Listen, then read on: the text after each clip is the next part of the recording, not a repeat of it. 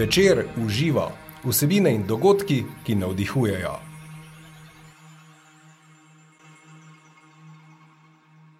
Nova epizoda podcasta Večer uživo je to. Dobrodošli in dobrodošli v naši družbi. O žalovanju se bomo pogovarjali tokrat. Svojo tovrstno življenjsko preizkušnjo bo z nami delila pisateljica, prevajalka in publicistka Erika Johnson de Beljak. Presunljivo in pretresljivo jo je popisala v svoji knjigi Devica, kraljica, udova, prasica. Uh, do, dober dan. Julia, kako ste? Jaz sem zelo v redu, je, danes je bil tak lep dan. Tak, um, sem šla na sprehod zjutraj in je bil ogromna Maurica nad Bešigradom. Wow. Neverjetno, tako lepo. Ja. Ja. Se pravi, da imate zdaj v Ljubljani sonce ali kak na pol? Ja, pa Včeraj smo imeli ful dežja Ja, in danes smo imeli vsi neverjetni jesenski dan, tako jasno, da bo malo oblake, ampak ta nora Maurica, ogromna, čez celo Ljubljana. Wow. Za- Wow. Pes pa jaz sva ful uživala. Maurice so tudi lepa sporočila. Pravijo, da tudi on stranstva. A? Ja? Tako ja, ena, ena gospa, ki je blizu žale, mi je povedala, da ta pomeni, Ja. to je bo, a, sporočilo od Boga, da ne bo univerzalni, kako se reče, ne poplava, ampak ena druga. A, ja, to je neki bibliška a, sporočilo. Tako mi je rekla, sem rekla, ok, dober znak, pa sem šla naprej. Prav. Tako, tako. Um, v uvodu sem pa omenila knjigo, se pravi, pretres, pretresljivo, presenljivo vašo izpoved bolečine, žalovanja, s katero ste se soočili pred petimi leti, zdaj 28. januarja bo že pet let, odkar je umrl vaš soprog. Ne? Šest let, pravzaprav. A že šest? A, ja. Aha, Jezus, šest let. Lani je bil, uh, danes, letos je bil šest let. Je, aha, tako. Zdaj Že 22 gremo, ja, 22 gremo točno to.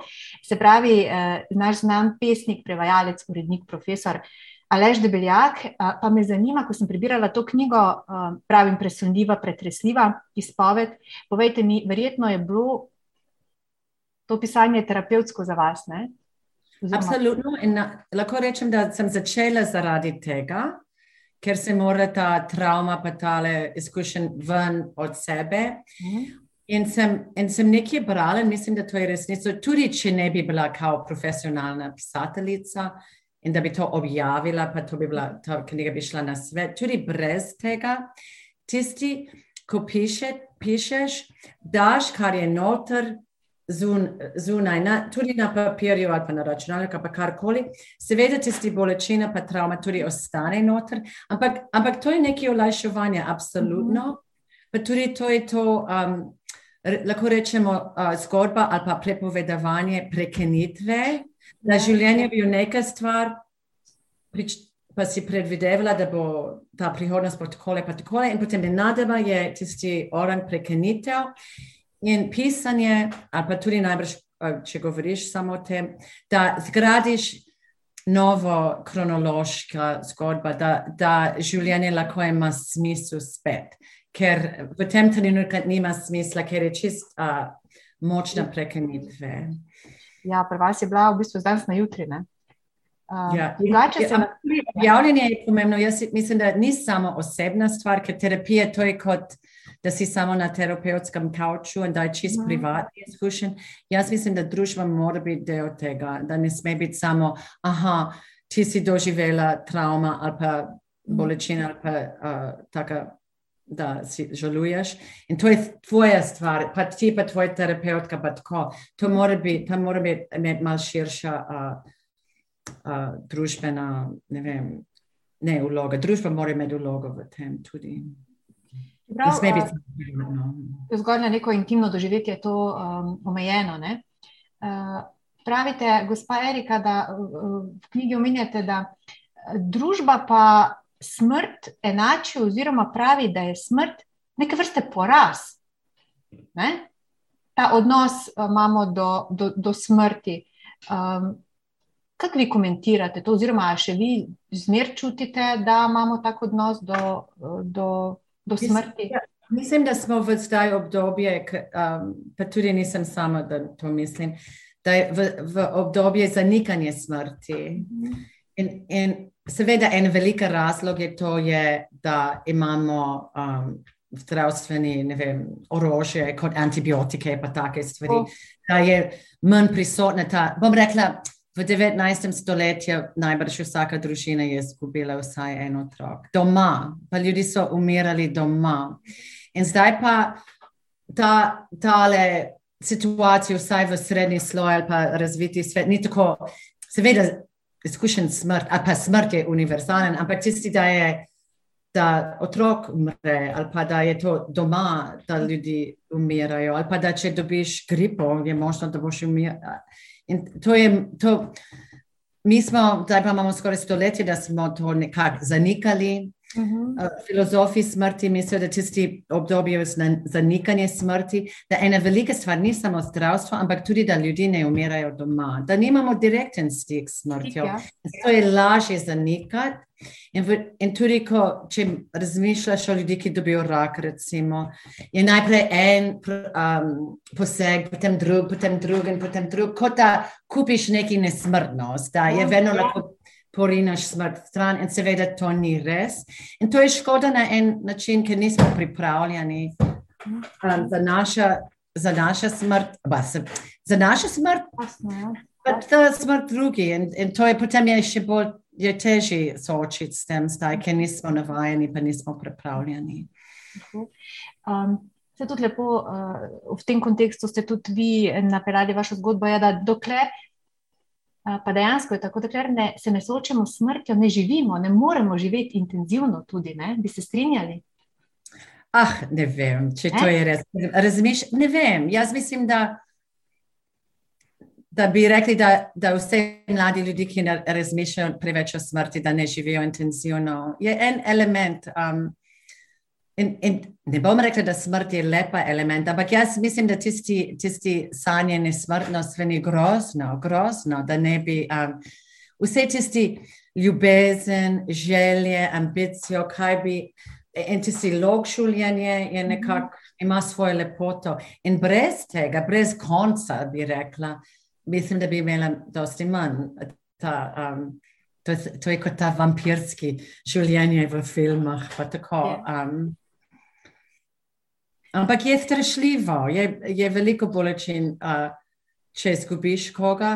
In se spomnim, da takrat sem dosti, mislim, da to je kar pogosto, da sem mislila, raj, da, da jaz bi umrla kot on, mm -hmm. da, ali pa da bi hotela v tem času umreti. Mm -hmm. Ampak potem um, tudi tudi prideš do tega, da tudi brez njega bi hotel živeti naprej, da življenje dovolj, ponudi dovolj.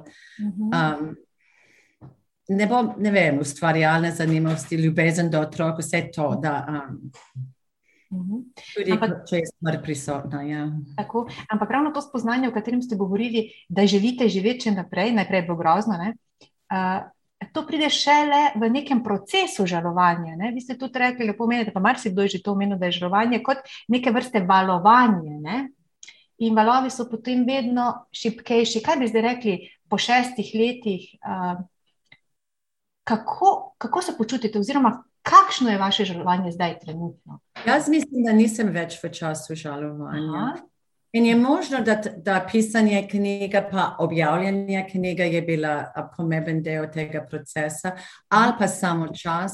Se, se spomnim, da en udovec mi je rekel, da tri leta. Ker če bereš um, žalovalne knjige, vedno fokusirajo na prvi let.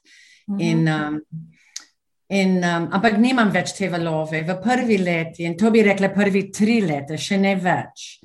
Um, te valove so ne prevedljivi. Lahko misliš, da si čisto v redu, ampak te nenadoma kar jokaš na sprehod, brez, ne vem, tudi brez sprožilec bi rekla, da je čist. Je zelo čudno, je zelo težko. Um, in včasih je možno tudi, tudi lahko pogrešati ta, ta globoko jokanje. Ja. Um, da, da, ne, ne da bi hotela nazaj, ampak um, da v tem situacija človek, tisti pokojen človek, je kot da je bližje, če si v tisti intenzivni emocional, intenzivnem emocionalnem stanju. Mm. Ampak um, jaz verjamem, čas naredi svoj. Da, um, oh. Jaz um, najdem na začetku je zanimivo, moji otroci vedno malo pravi, ah, to je brez veze. Jaz sem rekla, da kot da Alež je v njih, ker on je oči, pa pravzaprav njegovi genetski komplement je v njih, on je tudi mene ustvaril in jaz sem njega. In zato je vame, da tudi če ne raz, razmišljam o njemu vsak dan, ali pa če nimam čisti valove, ali pa če ne jokam več, on mi je naredil, kar sem zdaj kot človek. In zaradi tega je vame in to je ena vrsta tolažba, da je še vedno um, z mano vas je sooblikovala, sta se videla v odnosu. Ampak jaz mislim, da vsi to naredimo. Ja, sigurno, ja. da je gotovo. In na mestu, ker je ena v knjigi, ena, jaz sem mislila, čeprav sem, sem absolutno feministka, ampak v, v začetku knjige jaz sem rekla, da Aleš je ustvaril mene, ker jaz sem prišla v njegovo državo, pa govorim njegov jezik, pa sem tudi postala pisateljica. Tako, in sem rekla, kako bo bitje živeli naprej brez um, ustvarjalca.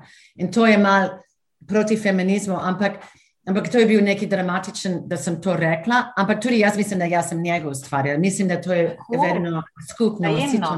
Ja.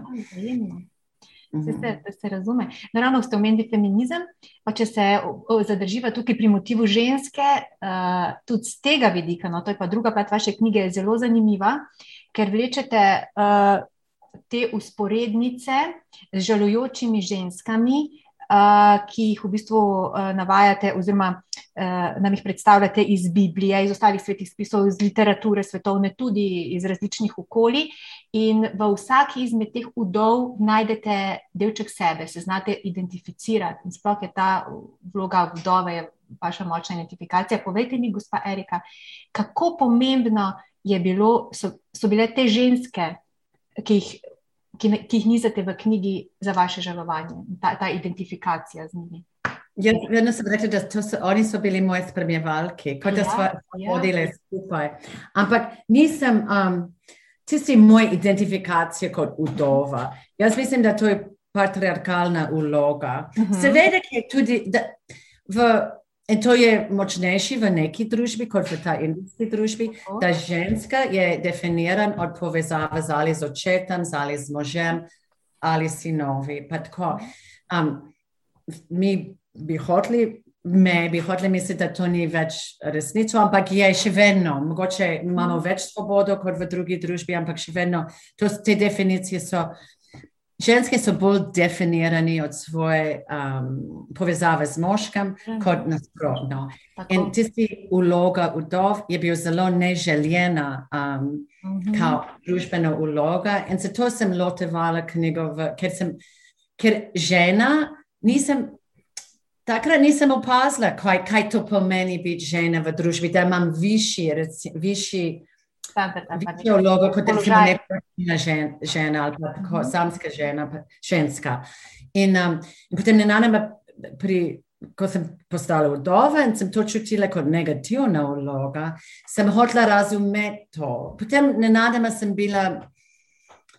Sem čutila tiste patriarkalne vloge okrog sebe, pa sem hotela razumeti to, in zato sem šla v ta smer, da sem hotela vedeti, kaj je ta lik, ta, ta udova. In enkrat, ko, ko te zanima vdove, lahko jih najdeš posod, so posod. Um, mm. veliki, močni liki pat, v literaturi. Pat. In zato je bil samo um, vprašanje zbrati tisti, tisti, ki sem.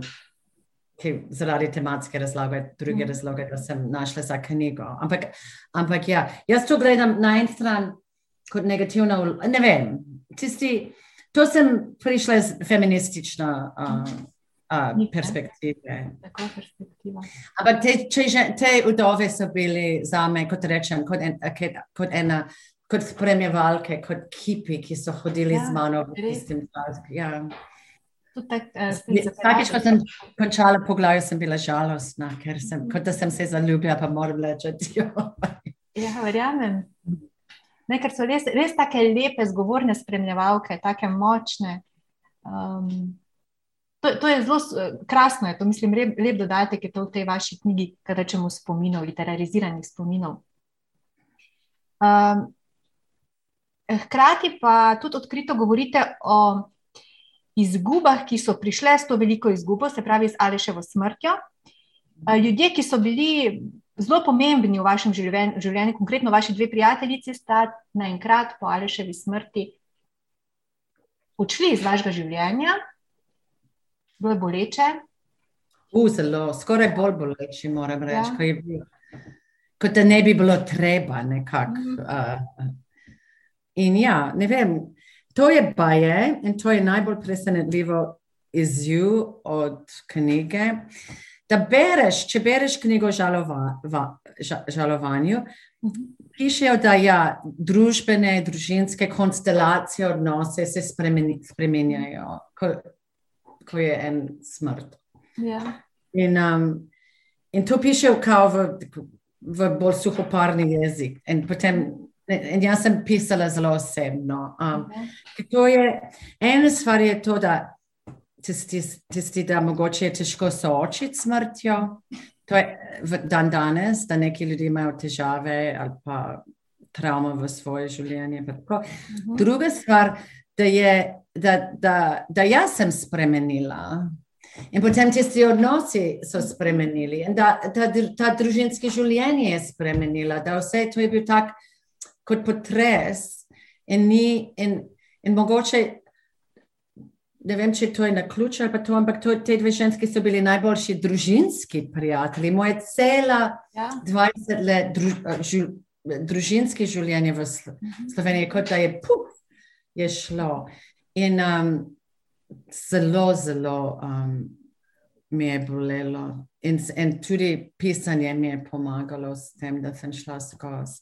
Ampak sem rekla, kar je najbolj presenetljivo, da od, odzivi od, um, pismi, ki, ki dobimo od um, bralcev, pa tako, dosti povedo o, povejo o, o podobni situaciji. Ja. In ena je pisala, se, um, jaz sem se, ko moj oče je umrl in mama je izgubila njeno prijateljice, pa jaz sem izgubila. So rekli, da niso mogli biti zraven. Niso, In oni je rekli, jaz, um, in tudi jaz sem bili isti, da jaz sem krivi, kaj je narobe z mano, da to se meni zgodilo, ko sem v najnižji situaciji v življenju, potem moji najbližji grejo, a jaz sem tak strup.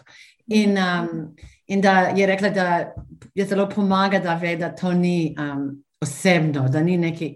In zato je pomembno, da govorimo o tej stvari, da nismo tihi, da, smo, da to damo ven. Ker sicer, če ste tihi, potem nosiš ta breme samo in lahko misliš, da to je čist, da ti moraš biti grozen človek, če v tej situaciji to se je zgodilo. Zato um, mislim, da je pomembno, da govorimo o teh stvarih. Jasno, glasno, o smrti, o bolečini. In, in sploh to, ne, um, bi me tudi zanimalo, kako se obnašati v taki situaciji. Ne? Večkrat smo zelo nerodni, okorni, ne vemo, kako kako mhm. pristopiti žalujočemu. Um, po knjigi sodeč, ko ste vi prišli iz Amerike domov, takoj naslednji dan, ko ste pač eh, zvedeli za Aleševo smrt, vas je pričakala polna hiša, ne, oziroma uh, najprej ljudje zelo stopimo k človeku, potem ga pa naenkrat pustimo. Kako ste vi to ja. doživljali? Ja, um, ne vem, ta, moram reči, da tisti prvi teden in tisti podpora, mm -hmm. ki sem bile v tem času, mi je zelo pomagalo, brez tega ne morem se predstavljati, kako bi bilo. Potem sem bila um, malo žalostna. Ja. Tudi dosti ljudi, ki so bili blizu Aleša, niso bili več moji ali pa tako, in niso me vabili. Um, in na eni strani, včasih, seveda, sem zamerila, ampak na drugi strani moram se moram tudi soočiti s tem, da zdaj stvari so drugačne in neki ljudi, ki so bili bolj profesionalni ali pa prijateljstvo um, vezane z lešem, mogoče ne bomo imeli, imeli več ta isti odnos. Okay. Tisti na začetku, tisti, da hočejo pomagati. Ti sploh, ti točno vidiš v tem času, kako na začetku ljudi, oni svoj žalost, ne vem, procesirajo da bi meni pomagali. In ja. potem, ko to je darjeno, potem ni več treba za njih in te stvari padajo stran. In, in te ljudi tudi. Ampak in, in včasih so težke zgodbe v tem, ampak tudi je potrebno, da počasi se, um, se zgradiš. nazaj. Um, in moram reči tudi, da mi nismo omenili, da so tudi ljudi, ki nepričakovano postanejo zelo pomembni, in, in ljudi, pa ljudi, ki ne poznate, ki postanejo zelo pomembni v to, tvojem življenju. In to je tudi ta nasprotni proces, tudi se dogaja. No, ker ravno to sem vas hotel vprašati. Verjetno, s tem, ko so nekateri odhajali iz vašega življenja v tem obdobju, so pa prihajali ne? drugi ljudje. Ti prijateljstva so postali bolj intenzivni in, in so dan danes še um, močni prijateljstva. In, in to je, um, sem zelo hvaležna za to. In kot rečem, bi rekla, da bi skoraj nasprotno, kar, kar bi se pričakovala. In seveda neki novi ljudi. Mislim, da je pomembno moja situacija je bila kao ekstremna, bom rekla, ker sem slovenka, ampak sem tudi tujka, nimam mm -hmm. svojci blizu. In nisem imela služba, nisem imela kolektive. In to je bil tudi tež. Je, je pomembno imeti struktura, um, kot stebre, neki, da, in jaz sem, sem morala malo sam to zgraditi potem. In sem uspela. In, sem, in, in, in na en stran, to je grdo, ne, ni grdo reči, ampak na en stran moje življenje, nočem reči to, je zelo težko to povedati. Razumem. Rekla, da je bolj stimulativno ali pa zanimivo danes, kot je bilo prej, ker zdaj pa se mora prosim boriti za novo življenje. In zdaj ste res čisto samostojni, ne? zdaj ni več te opore, ki je bila v Alešu, Aleš vas je na neke vrste opremo zdaj, za življenje zdaj. Ne? Ja, to je zanimivo, ker mi smo imeli poseben odnos, ker jaz sem bila tujka on me, ja. in tudi on je bil ta zelo um, kao velikan med moški. Ja, ja, on je bil bolj, bom rekla, zaščitnik, mogoče drugi mož. Ja. Tudi ker sem bila tujka, pa nisem, na začetku nisem govorila jezik. Smo, smo imeli ta vzorc v, v odnosu uh mhm. -huh. in potem to je bilo še bolj šokantno, ampak tudi ko sem morala banalne stvari narediti, pogajati stvari, birokratsko ali pa ne vem, neki. Potem je včasih bil taka, um, taka zmaga, sem bila tako, ja, tako, sem bila tako ponosna na se za majhne stvari. To je to, ne vem, um, en vaše vprašanje. Je, e, mi vedno govorimo o post-traumatic stress syndrome. Ja, post-traumatskem. Tudi post-traumatic growth. In to pomeni, da od trauma rastiš, ne samo da, da imaš tudi v tisti PTSD, da če imaš močno travmo, to živi v tvoj, tvoj telesu. In to so tudi tisti valove, da če je sprožilec ta travma, lahko skoraj dvigne v tvoj usta spet. Vse, kar si čutil, čutila takrat, potem spet. In to je nepredvidljivo in to je malo strašljivo. Ampak na drugi strani od travma um, lahko um, ras, rastiš, pa mhm dobiš nove moči, nove um, sposobnosti v družbi, pa vase. Pa in to je tudi, that's thrilling in a way. Huh? But, um, posebej v žalovanju noče govoriti o tem, ker ne bi smeli dobiti nič pozitivnega od ja. tega ja. tragedija. Zato ne govorimo direktno o tem. Ja. To ste zelo dobro zdaj povedali. Ste nekako mm -hmm. nek, nek stereotip. Jo je zelo dobro, tak kontrast dober, da je prepovedano, da bi od žalovanja bi imeli tudi neko korist oziroma nekaj lepega. Ne? Ja, moraš gledati, jaz tako gledam, ja. ker to je težko za, za leševe družine. Um, da, da bi jaz rekla, da življenje na en način je bolj zanimivo. Zdaj. To je za njih. To, uh, Razumem. In jaz vedno rečem, da sta dva poti, uh -huh. ja, leševe življenje, pa moje življenje. Pa jaz nisem mogla kontrolirati, kaj, da to se je zgodilo. Uh -huh. In edina stvar, ki lahko kontroliram, je, kako grem naprej. In to ni, ni treba. Ne rečem, ja, ali še je umoril za to, da bi lahko jaz postala močnejša. Ne, ali še je umoril, piko. In potem je moja izbira, kako bom izbira, pa moram se boriti za to, kako bom šla naprej. Ampak to ni, not, kako se reče, povzročno. Ja, povzročno, posledično, ja, tako. Tako. To je bila usoda moja v življenju, in potem moram iti naprej, in moram se odločiti, kako bom živela naprej. Ja.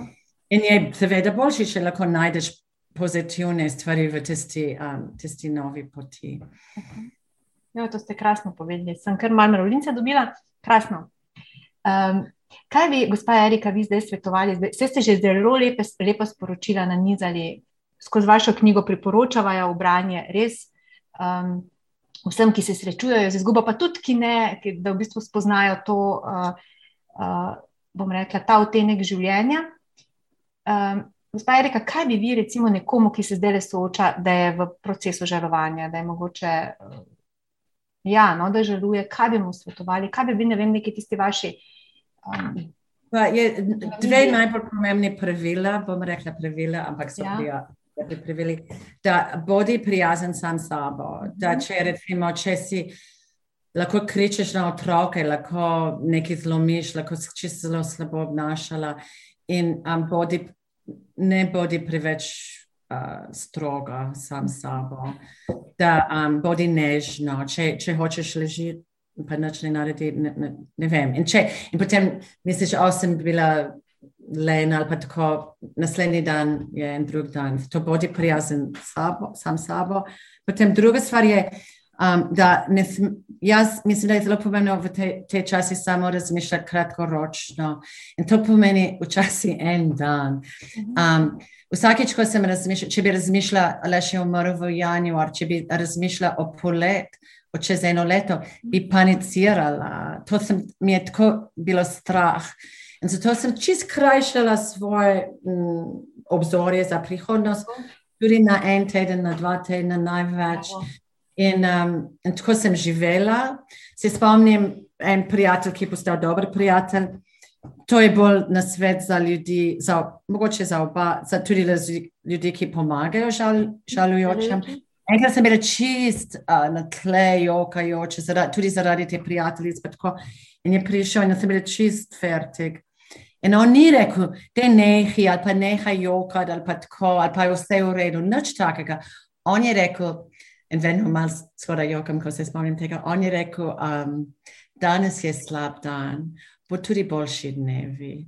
In to je tudi to, da tako pač je. Ja. Pa zato, če imaš slab dan, imaš slab dan. Ja. Bo boljši dnevi, bo, sigurno. Oh. Zagotovo. Um, joj. Še kar bi razvijala pogovor z vami, Ker, ampak nekaj še moramo pa pustiti za maraton pozitivne psihologije, ne smemo vsega razkriti, ampak me pa še vseeno uh, zanima, gospa Erika, povejte mi, kaj vas dele radosti, kaj vas navdihuje, kaj vam razpira krila, kaj počnete, mogoče tudi kaj pišete. Zelo, zelo pomembno so moje dejavnosti in, v, in sem zelo fizična. Jaz hodim zelo, moje zdaj pa se največja strast je yoga. Ampak tudi igram tenis, pa tako tisti, to je pomembno za me. Imam, in to sem imela tudi prej, ne yoga, ampak tudi fizične dejavnosti. Sicer tudi rabim um, intelektualno stimulacijo. Mhm. In nisem taka pisateljica, žal, skoraj sem zavidam te pisatelji, ki, ki so pravi profesionalci, ki pišejo, pišejo, pišejo. Jaz moram imeti um, neki močna motivacija za pisanje, ne morem kar tako. Ampak tudi rabim intelektualno stimulacijo. Zdaj sem upisana v doktoralni program in pišem doktorat. Wow. In potem upam, da kasneje bom, bom našla neki ustvarjalni nagon. Tisti knjiga zdaj je bila tako posebna, yeah. Ja. ker je bil ne vem, je bil tisti grozen, dramatičen, trage, tragičen dogodek. Ja. Potem pisateljica, kot sem bila jaz, ki je bil v glavnem autobiografsko, pa mhm. tudi zelo odprta. Ja. In potem je bil, da sem naš, našla tisti strukture te ženske, te vdove, ki so bile tisti bogata, bogat vir. Uh mhm. -huh. izvir. In potem nisem, um, to je, jaz rečem, a bom kdaj imela tak projekt v življenju, ne da bi hotla, ker je bil taka, uh, uh, razlog je bil tako uh, grozen. Yeah. Ampak um, to ne vem.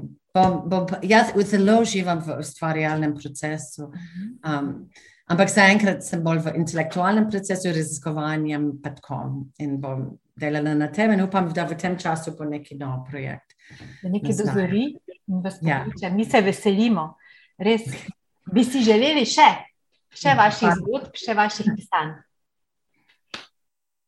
Gospa Erika Johnson, debeljak, hvala, ker ste bili um, lepa, iskrena, navdihujoča sogovornica. V veliko veselje mi je bilo zdaj uh, se pogovarjati. Uh, vse dobro vam želim, uspešno pri doktoratu, pa pri, pri, pri literarnem ustvarjanju. Hvala, hvala lepa. Hvala in srečno. Nasvidenje. Tudi tokrat sem bila z vami Maja Furman, srčno in srečno, dok malu.